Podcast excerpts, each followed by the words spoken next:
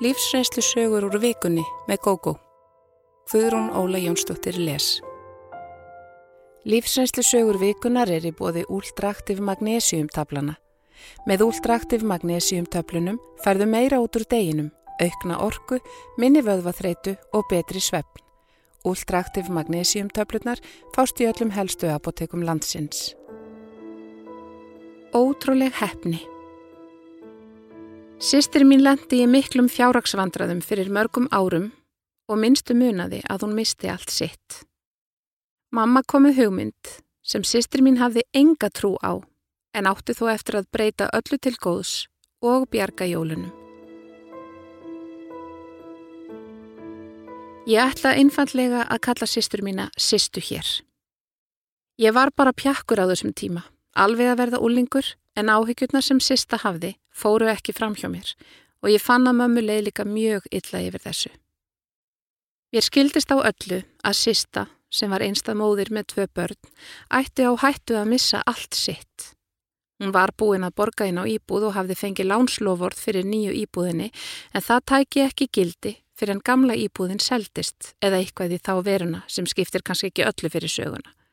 Hún hefði allavega lendi miklum vandraðum ef hún gæti ekki útvega sér peninga, var í gífurlegri klemmu á þessum tíma og leitaði allra leiða til að halda í eigur sínar.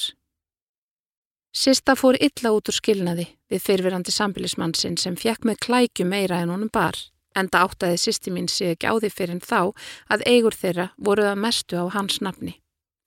Ef þau hefðu verið gift hefði það breytt miklu fyrir hana og hún fengi það sem henni bar. Maðurinn skildi ekki aðeins við sýstur mína, heldur líka börn sín því hann endi lítið að eiga í sambandi við þau. Hann átti vonu á barni með nýju konunni á þessum tíma.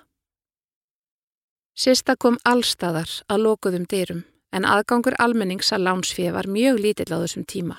Allt annar en til dæmis á árunum fyrir hrun þegar bankar reyndu með öllum ráðum að tróða peningum upp á viðskiptavinni sína. Ég kefti mér íbúði kringum 2005 og vantaði ákveðna uppaði til að allt gengi upp. Ég fekk ekki bara upphæðina, heldur reyndi starfsmæðurinn að þraungva upp á mig miklu herri upphæð. Þurfið ekki að gera íbúðina upp, var einn tillagan sem ég fekk. Sem betur fer síndu við hjónin skinnsemi þóttu þetta veri freistandi og afþökkuðum. Það voru allavega miklu meiri höfti gangi á þessu sviði þegar sýstir mín átti í vandraðum sínum. Eitt daginn satt sýsta alveg eigðilögð við eldursporðið hjá mömmu. Hún sagðist að hafa gefist upp og nánast skældi ofan í kaffibotlan sinn.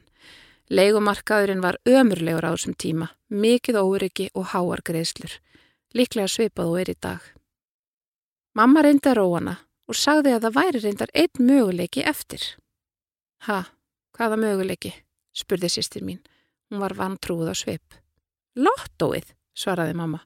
Ég hef sterka tilfinningu fyrir því að þú eigir að kaupa lottó með það.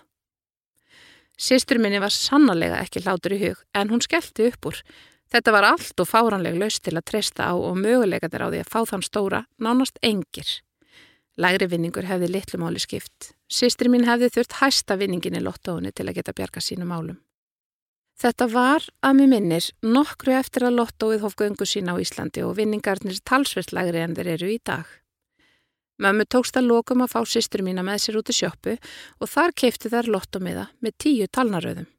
Sýstur mín borgaði fyrir miðan, mamma vildi meina að það skipti öllu máli og síðan tók mamma miðan í sína vörslu. Áður en þar keipti miðan sagði sýstur mín að ef svo óleglega vildi til að vinningur kæmi á hann, mynd hún láta mömmu fá alla fjárhæðina þegar lánslofurðið er greitt út. Það ótrúlega, fáránlega og fjárstæðukenda gerðist næsta lögardagskvöld. Á miðan, sem sýstir mín kefti og borgaði sjálf fyrir að skipun mömmu, kom hæsti vinningur. Ég man þó ekki hvort sýstir mín valdi tölurnar sjálf eða let sjálfvali ráða. Eitthvað ráma mig þó í að hún hafi valið afmælistaga fjölskyldunar. Vinningsupphæðin dögði fyrir því sem sýstir mín þurfti að borga og meira að segja vel rúmlega það. Það varð allt vittlust í fjölskyldunni af gleði. Við vorum kannski ekki fátækan heldur ekki efnuð og það var engin rík frænka eða ríkur frændi í fjölskyldunni sem hefði geta hlaupið undir bakka með sýstruminni.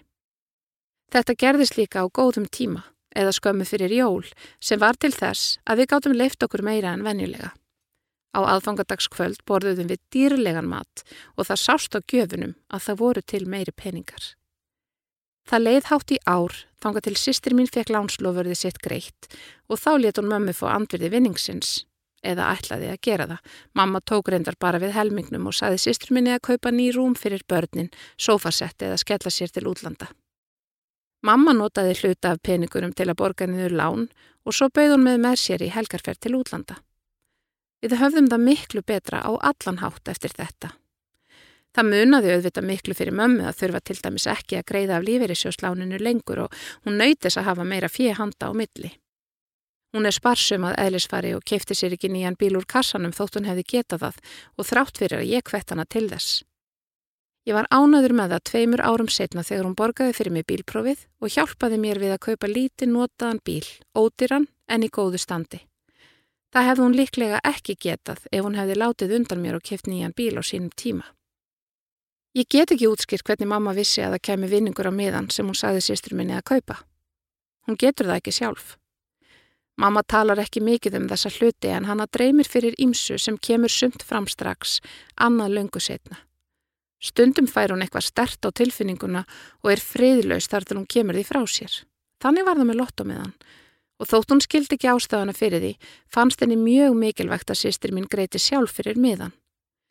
Hún sagði mér að um leið og þær maðgur hefði verið búinar að kaupa meðan hefði henni létt ósegjanlega mikið og hún fylst vissu um að eitthvað gott myndi gerast. Samt trúðun ekki sínum eigin augum þegar hún sá réttu tölurnar byrtast hverja af annari í sjónvarpinu. Mamma hafði reynd að vara sýstu við sambilismanninum en þó ekki fyrir en eftir að skilnaðarferðlið hófst. Hún fjekk svo sterka tilfinningu fyrir því að hann myndi svíkjana. Hann gerði það líka svo sannalega. Hjælt ekki bara fram hjá henni, heldur fór illa með hana fjárrakslega. Áður en þau kynntust átti hún íbúð bíl og ágætt innbú. Hann átti ekkert. Þegar þau endur nýjuðu heimilistækin voru þau keift á hans nafni. Sista elskaði sinn mann og fannst engu máli skipta hvort þeirra væri skrifað fyrir bílinum, ískapnum eða sjónvarpinu. Sem betur fer var íbúðin sem þau keiftu saman á begja nafni. Ég er ekkert rosalega trúaður á dullræna hluti en hef lært af reynslunni að taka fullt marka á viðverunum mömmu. Hún hefur oftar en einu sinni varað mig við og bjarga mig frá óþægindum. Einu sinni, þá um tvítugt, ætlaði ég akandi norður á land með vinu mínum, en hún bað okkur um að hingra með það. Fyrst var því fúll, en vinir mínir tóku svo vel í þetta við ákvaðum að fresta ferðinu um viku. Á sunnudeginum skall óvænt á blind bylur sem ekki hafði verið spáð og hefði orsakað að við hefðum orðið veðurteftir fyrir norðan. Laungu setna, þegar ég var búin að stopna fjölskyldu, varaði hún mig við leikfélaga sonar míns, stráku næsta húsi og sagði að hann myndi hafa slæm áhrif á son minn í framtíðinni. Við hjónin ákveðum að taka marka á þessu og tókst með lagni að aðskilja þá. Pössuðum okkur á að banna stráknum okkar ekki að vera með stráknum. Mamma hafði hár rétt fyrir sér. Strákurinn varð sífælt meiri vandraðagemsi og á úlingsárunum hófst afbrótaferillans með tilherandi óreglu. Kanski er mamma bara góður mannþekkjari og möguleg er hún góð að lesa á milli línana í veðurspánum en ég get þó ekki skýrt þetta með lottómiðan sem bjargaði sýstur minni frá því að missa allt sitt. Ræðileg tengdamamma Ég er giftur góðri og indislegri konu. Hún á einstaklega erfiðamóður sem þrýfst ekki nefn hún getur komið illu til leiðar. Við gerða vorum rétt um tvítugt þegar við kynntumst. Ég áttaði mig fljótt á því að hún vildi sem minnst við móður sín að tala. Gerða var varkári orðum í fyrstu og sagði að mamma sín væri svo litið sérstök og það gæti verið erfitt að umgangast hana. Mér fannst þetta skrítið en sjálfur á ég bestu mömmu sem hugsast getur. Fyrst í stað reyndi ég að gera allt sem ég gaf til að reyna að sætta mækurnar en með tímanum fór að renna upp fyrir milljós. Þetta var ekki ósætti þeirra á milli, heldur reyndi gerða bara að hlýfa sjálfur sér og mér líka við særindum með því að forðast móðu sína því konan erði engum. Tengdamamma, sem ég kýsa kalla Rúnu, síndi mér enda sínar bestu hliðar lengi vel, en gerða saði mér að þetta væri bara smjáður, gríman fjalli fyrir eða síðar. Við hittum Rúnu það sjaldan að nokkur byð varð á að það rættist. Gerða á sýstur sem mamma þeirra hefur haldið mikið upp á, líklega af því að hún hefur getað stjórnað henni en ekki gerðu. Við byggum í Danmörku í nokkur ár þar sem ég var við nám og störf, eldra barnið okkar fættist þar. Okkur leið mjög vel ytra og ég stakku upp á því við gerðu að við settumst að í Danmörku, Lífsgæðin voru mun betri en við höfðum kynst á Íslandi og mér hefur alltaf liðið vel í heitara loftslægi en er hér á landi. Óvænt sagði gerða að hún gæti ekki hugsa sér að búa í útlöndum. Hún vildi flytja aftur til Íslands og þannig var það. Við heimkomu fenguð við litla og notalega kjallara íbúð á leigu. Mjög ótira miða við það að hún var á skólaverðuholtinu en ættingi minn átti íbúðuna og vildi ekki láta okkur borga mikið. Hann hefði án Eva geta fengið miklu meira fyrir hana. Það var nokkur galli að búa í kjallara, ekki síst um helgar þegar bærin fylltist af fólki og þegar tengda mamma dætt í það. Rúna heimsótti okkur nokkuð ofta eftir að við fluttum til Íslands aftur og það var eins og hún nefndi ekki lengur að sína mér kurtesi og almenleg heitt. Nú fór ég að fá pílur og stungur frá henni við hvert tækifæri. Hún sagði við mig eitt kvöldið að sér fyndist skrítið að barni mitt líktist mér ekki neitt og hvort það geti verið að gerða hefði átt elskuga í útlandinu. Ég ákveði að taka þessu eins og hún væri að segja ósmeklegan brandara og hlópar að henni. Það virkaði illa á hana því hún vildi greinilega koma mér úr jafnvægi. Gerða saði bara þreytulega við rúnu. Æ, mamma, hætti þessu bylli. Greinilega öllu vön frá mömmu sinni. Barnið er reyndar af að líkt mér og fólkinu mínu og þess vegna gæti leið að þessu. Í nokkur skipti kom hún drukkin í heimsórna kvöldi til. Ekki datt okkur í hugað opna fyrir henni því hún var öllu verið undir áhrifum. Hún barði þá alltaf utan og öskræði ókvæðis orð að okkur þar sem við sátum með dreygi fyrir glukkana, döðrættum og hún vekti barnið. Í þrjúskipti syngdu við í laurugluna og letum fjarlægjana og þá fengum við frið fyrir henni í margar vikur og eftir. Eitt sinn kom mamma í heimsók til okkar og skömmu setna byrtist tengda mamma óvænt. Við buðum henni aldrei í heimsókn en hún letaði ekki flækjast fyrir sér. Mamma er alltaf svo kurtis og vill öllum vel. Ég hafði fyrir löngu sagt henni hvernig Rúna væri en mamma sagði alltaf að eitthvað gott byggi öllu fólki og maður ætti að einblýna á það. Hún spjallaði vingjallega við Rúnu og sagði henni meðal annars að hún og stjúpfæðir minn væru að íhuga að flytja til Norex.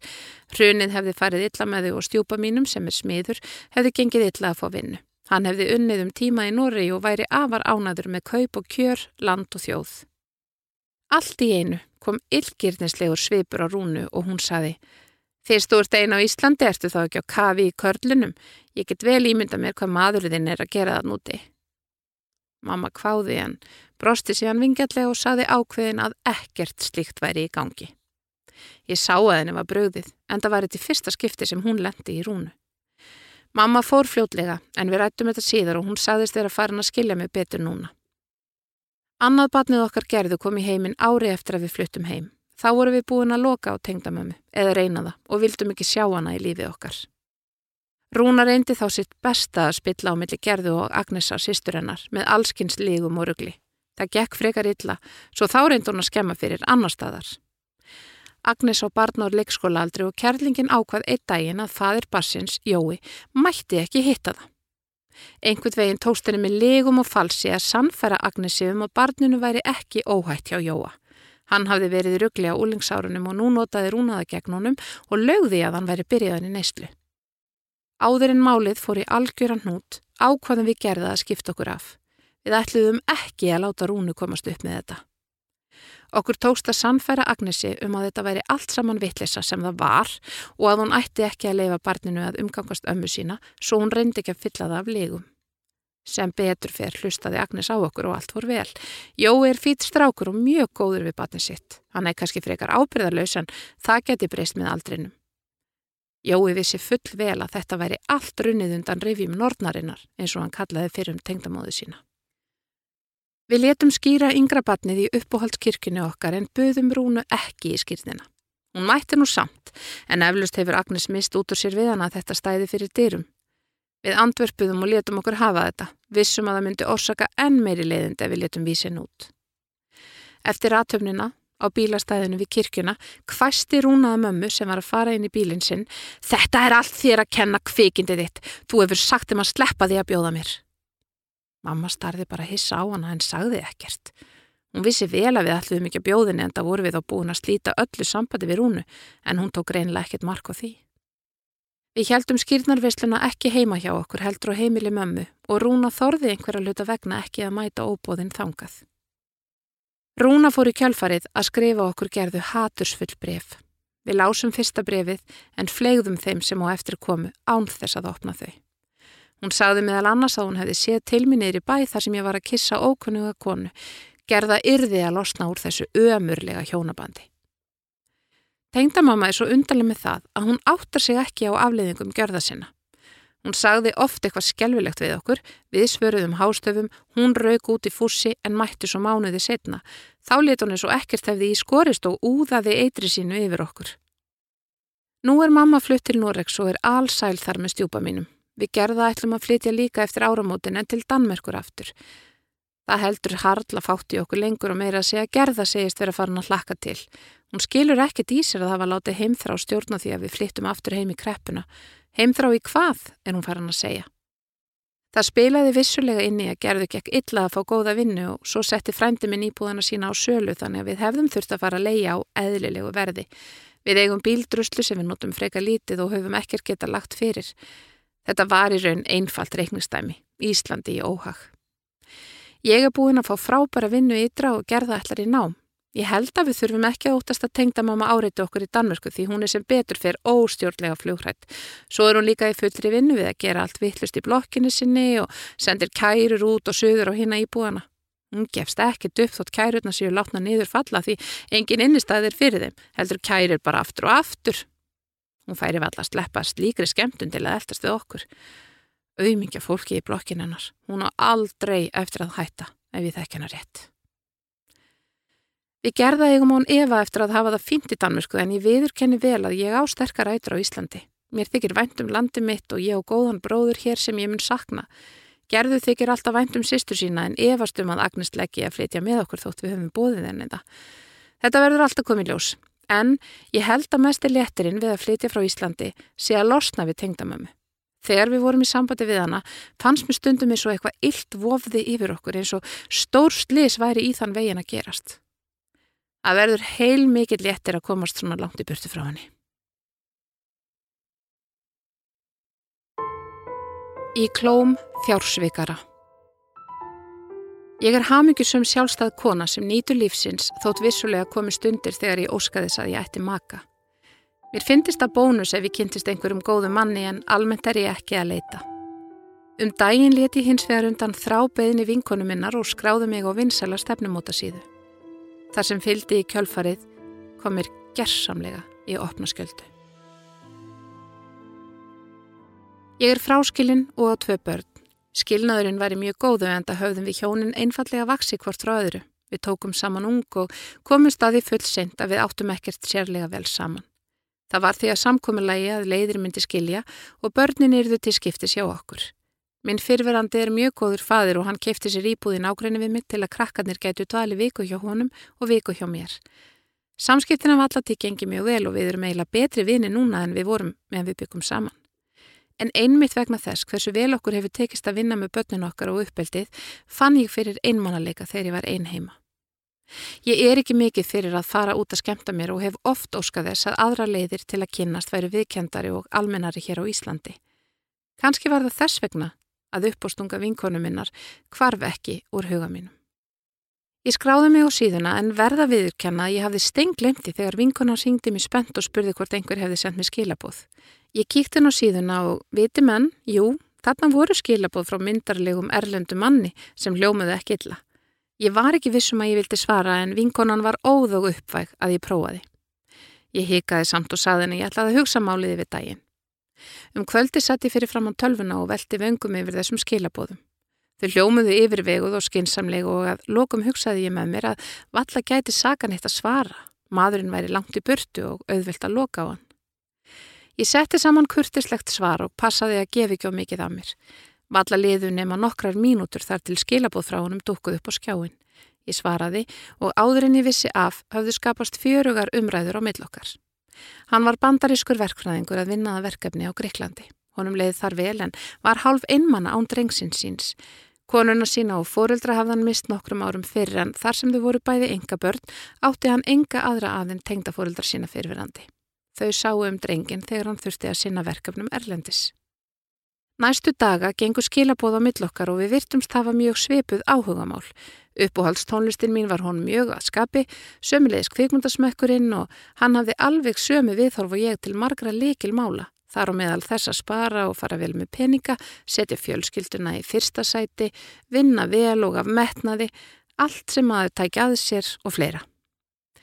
Mér leist sífælt betur á mannin og var farin að hafa gaman af samskiptum okkar.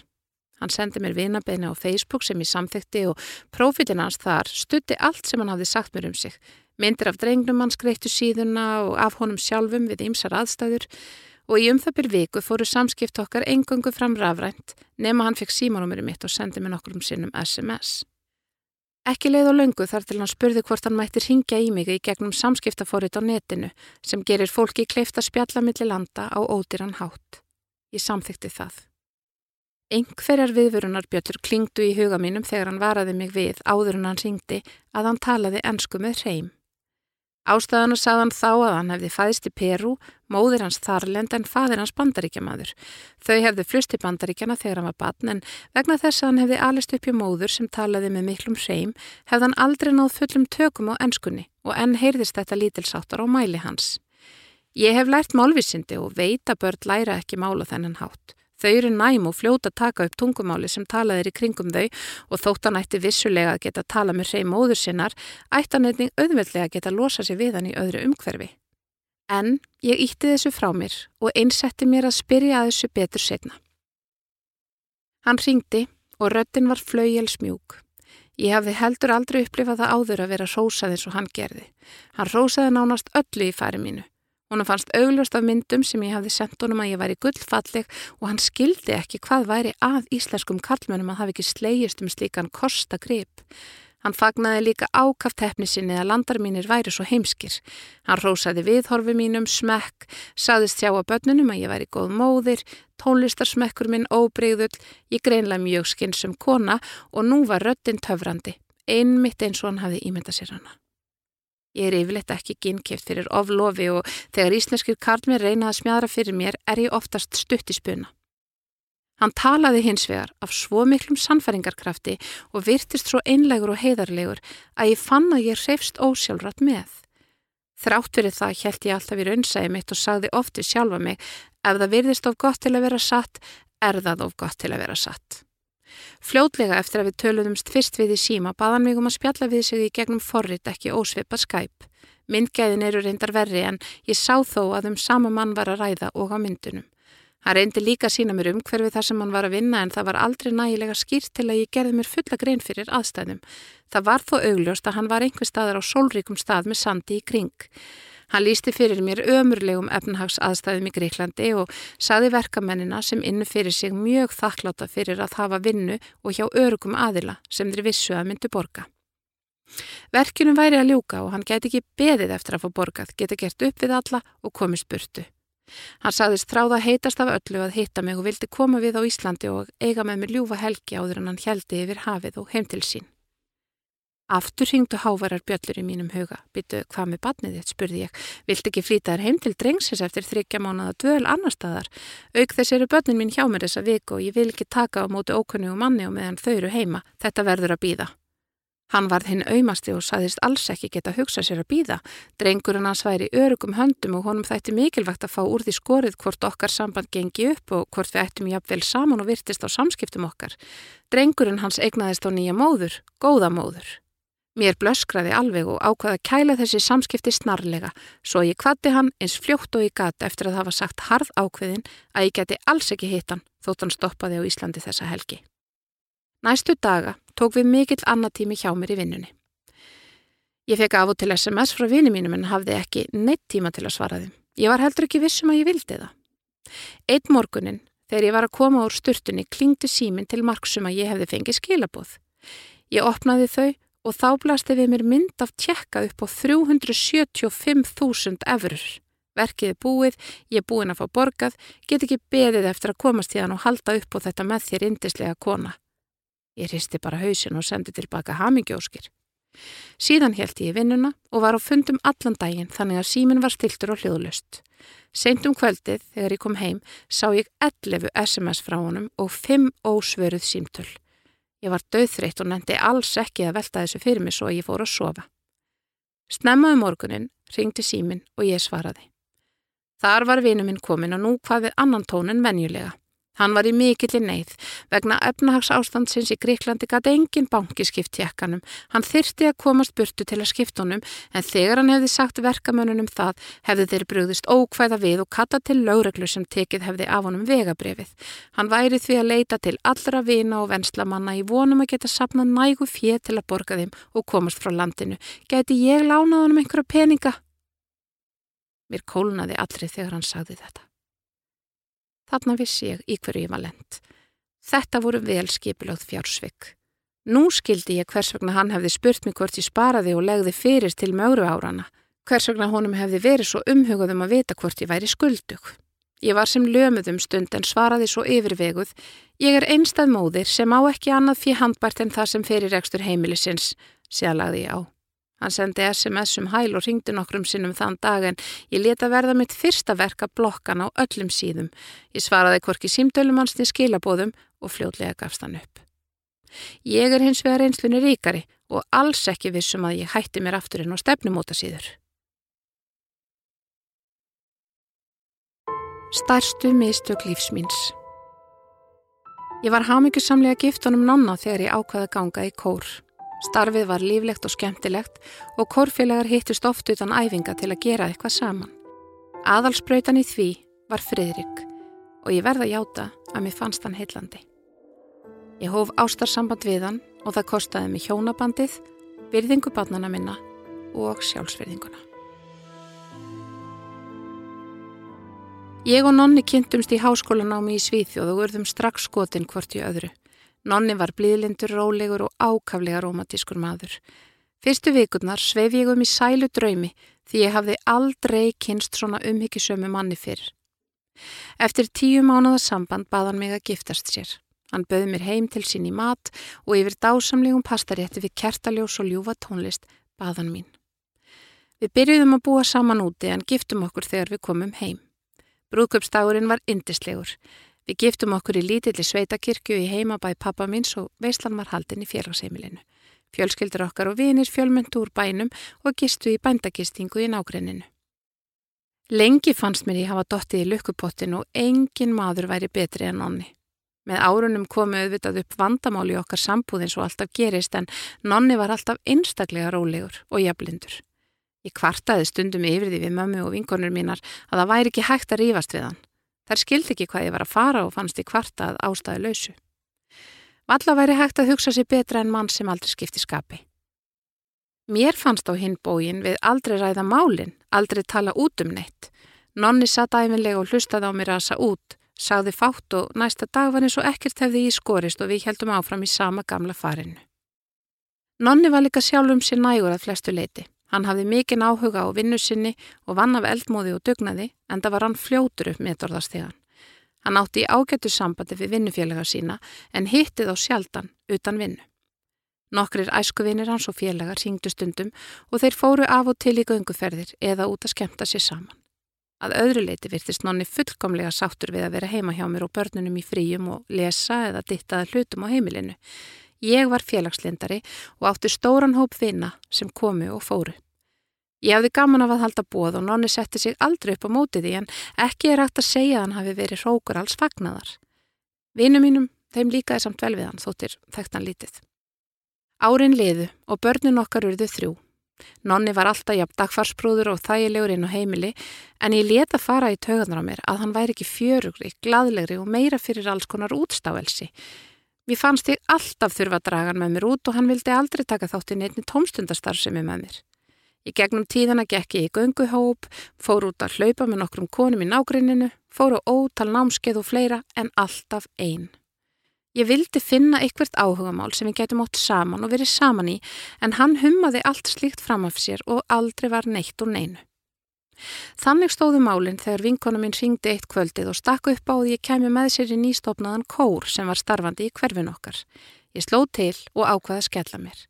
Strax fyrsta kvöldið vissi ég að þetta væri eitthvað fyrir mig. Stjórnandin var fær og kendi okkur ótrúlega mikið. Ég nöyt þess að syngja og fann að ég fekk mikla útrásviðað og kom alltaf heim gladari en ég fór. Ég reyndi að fá nonna til að koma með en það hafði hann ágættur öll en hann langaði ekki. Kórin hafði aðeins starfaði nokkra mánuði þegar Fridrik stakk upp á að við hittumst næsta sunnudagsmorgun og gengum ringi í hverfinu okkar. Þessi fyrsti göngutúr var ofbóðslega skemmtilegur. Fridrik kom vel undirbúin og leiti okkur að sögustöðum og ímsumerkilegu í landslæginu. Hann hafði gífurulega góða frásagnargáfu og gætt bæði verið fyndin og áhrifamikill. Allir sem mættu voru svo yfir sig ánaðir að þeir báðu hann að skipuleggja annan göngutúr fljótlega. Úr varð að við hittumst annan hvert sunnudag og gengum saman. Fridrik sá æfinlega um að skipuleggja og finna leiðir og fljótlega fórum við að færa okkur út fyrir borgina og ganga lengri leiðir. Allir korfilegar voru velkomnir í þessar göngur en smátt og smátt var til harður kjarni göngurhólfa sem vildi stöðugt reyna meira á sig. Ég hef alltaf haft óskaplega gaman af kvikmyndum og þegar ég var ung fór ég mjög oft í bíó. Nonni nefndi því sjálfnast þannig að ég var að mestu hægt að fara í kvikmyndahús þegar ég uppgötvaði að við friðrik áttum þetta sameigilegt líka. Kvikmyndaháttið var í gangi í Reykjavík og mér langaði að sjá margar af þeim myndum sem þar voru síndar en nefndi ekki að fara einn. Ég nefndi þetta við nokkrar konur eftir kórafingu eitt kvöldið og Fridrik heyrði til mín. Hann kom strax til okkar og sagði Ég var alveg til ég að koma með þér. Ég hef einmitt verið að hugsa það sama. Ég var þinn gladast á að sló til en það voru við ágættir vinnir. Nonna fannst ekkert aðtugavert við að ég færi með Fridrik í bíó kvöld eftir kvöld. Hann virtist meira að segja gladur að ég hefði fundið félagar sem nefndi með mér á þessa myndir. Ég verða að játa að mér hafði alltaf fundist Fridrik mjög aðlaðandi maður, en þessa stundir í kvikmyndahúsinu kviknuðu einhverju neistar sem ég reyði ekkert við. Hann var leiftrandi mælskur og hafði góðan skilning á kvikmyndum og við töluðum stundum saman í langan tíma eftir að myndinni lauk. Við settumst á á kaffihús eða spjalluðum í bílnum fram og tilbaka um myndina og lífið og tilveruna. Kvöld nokkurt, þegar við stigum inn í bílinn, tók hann utanum mig og kisti mig. Án þess að hugsa mig um svaraði ég í sömu mynd og þar með varði ekki aftur snúið. Næstu vikur snerist um það eitt að finna tíma til að hitta Fridrik. Ég sveif á bleiku skíi, hugsaði sífelt um hann og hlakkaði til hverjar stundar. Við hittumst oftast í bílnum en fórum líka á hótel og áttum þar eldheitar stundir. Ég viðurkenni að allan þennan tíma leti ég ekki hugan að nonna á börnunum mínum. Loks gerðist atvik sem vakti mig.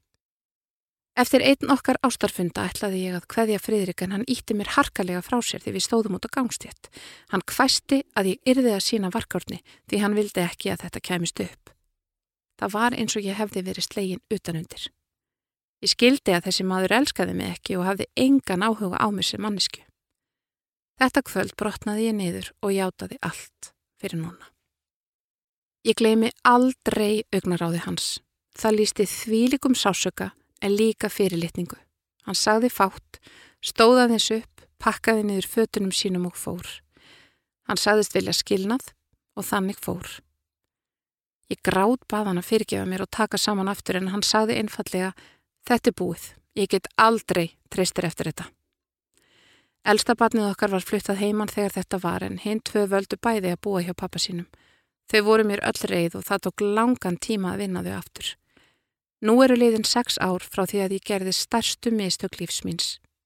Ég hef ekki hitt annan mann og ég sé enn mikið eftir nonna. Hann er hins vegar tekinn saman við aðra konu og er að því er veriðist mjög hamingjusamur.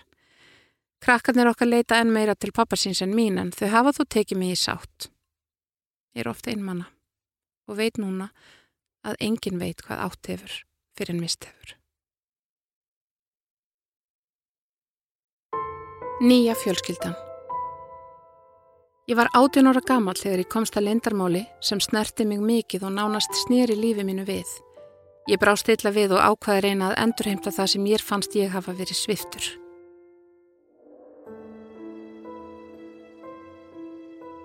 Fóreldrar mínir degröðu mikið við mig og á 17 ára amalinu mínu gafuðu mér bíl og borguðu einning bílpróðu mitt. Líf mitt var gott, ég var nýbúin að eignast indislega kærustu, gekk vel í íþróttum sem ég stundaði af miklu móð og þegar ég held að ekkert gæti hakkað fullkominni tilveru minni var ég fyrir miklu reyðarslægi. Það tengdist Steinu, kærustinu minni. Ég hafði nýlega gefið henni mynd af mér sem hún lit ramma inn og hafði á vegnum fyrir ofan rúmi sitt. Steina var tæplega 17 ára á þessum tíma. Fjölskylda hennar var fátæk og hún ein af sjö sískinum. Hún bjóði litlu sjávarþorpi í sama landsfjörðungi og fjölskyldan en hafði dvalið mikið hjá frængu sinni í bænum mínum og það var einmitt á balli þar sem við kynntumst. Við höfðum verið saman í nokkrar vikur og vorum orðin mjög náinn en sambandi var þó ekki komið á það stiga við kynntum hvort annað fyrir fóreldrum okkar. Dægin eftir að Steina hengdi upp myndina mér rak ragna móðir hennar augun í hana. Hún spurði Steinu hver þetta væri og Steina sagði eins og var að ég væri kærastinn hennar. Eitir hann Davíð? spurði mamminar. Já, svaraði Steina og bætti því reikin við að ég væri þekktur íþróttamaður á landsfjörðungnum sem var svo sem rétt, ég þótti mjög efnilegur og margir þekktu mig af afspurn. Ragnar fölnaði en sagði ekkert, heldur fóru út úr herbygginu sem Steina deildi með þremur sístrum sínum og lokaði inn á baði hátt í klukkutíma. Steina yfti aukslum og netti ekki að hugsa út í þessi undarlegu viðbröð. Þegar Ragnar kom fram var hún greinilega útgrátin og bað Steinu um að koma fram í eldus og tala við sig í einrúmi. Hún tvínónaði ekkert við hlutina heldur sagði beint við Steinu að hún yrði að hætta að vera með mér. Steina fór að hlæja og spurði hvað var í gangi. Þeir eru sískinni sagði mamminar. Steina tókið svilla, kallaði mömmu sína öllum yllum nöfnum og raug grátandi út. Hún virtist á takana trúanlega en rögnum var ekki rótt. Hún lokaði sig inn í stofu með símón og ringdi eitt símtal í fóreldra mína. Hún tilkynnti þeim að ég væri farin að vera með sistru minni og það yrði að stoppa í kvelli. Þegar ég kom heim um kvöldið sá ég strax að eitthvað mikið var að og ég fekk að heyra sögu sem sneri lífi mínu á kvolf. Ragnar hafði unnið hjá fóreldrum mínum við þvotta og aðra húshjálp fyrir mörgum árum. Madurinn hennar og lífræðilegur fadir minn var drikkveldur og ástandið á honum var sérlega slæmt þegar Ragnar gekk með mig.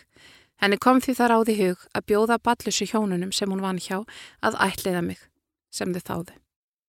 Þau höfðu reynd að veita mér gott líf, sögðu þau. Betra líf en mér hefði ella hlottnast.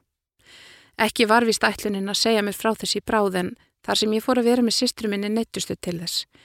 Ég fyltist brjálaðri reyði út í þau eftir því sem leið á frásögnina.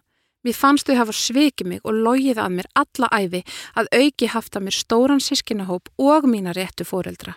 Ég raug út þegar ég hafði sagt þeim álit mitt á þeim. En var ég ösku reyður þegar ég kom út. Ég let reyðina bitna á því sem á vegi mínum varð, stútaði rúðum og barði í bíla. Láreglan var kölluð til og ég let öllum yllum látum við hana. Næsta morgun var ég orðin ögn róleri en það hafði ég verið látin dúsa í fangaklefa alla nóttina. Ég gekk heim og sótti bílinn minn. Nú ætlaði ég að finna alvöru móður mín á að tala við hana. Hún var mér ofar í huga en steina þótt ég væri líka sorgmætur vegna hennar. Fyrir hefni hitti ég sameigilega vinkuna okkar steinu og fekk heimilisvang steinu hjá henni. Síðan held ég af stað á bílnum mínum. Konan sem hafi gefið mig frá sér kom til dýra og bauð mér þegjandi inn. Hún þekkti mig greinilega og mér fannst eins og hún hefði átt vona á mér. Við settumst inn í eld og svo hún lokaði dyrunum. Ég spurði hana seint út, af hverju gafstu mig? Hún reyndi að segja mér að það hefði verið mér fyrir bestu en ég stoppaði hann af og sagðinni að ég hefði verið mjög einmannabann og alltaf þráðað eigna sískinni. Ákverðun hennar hafi svift mig því að eiga stóru fjölskylduna sem ég dreymdi um.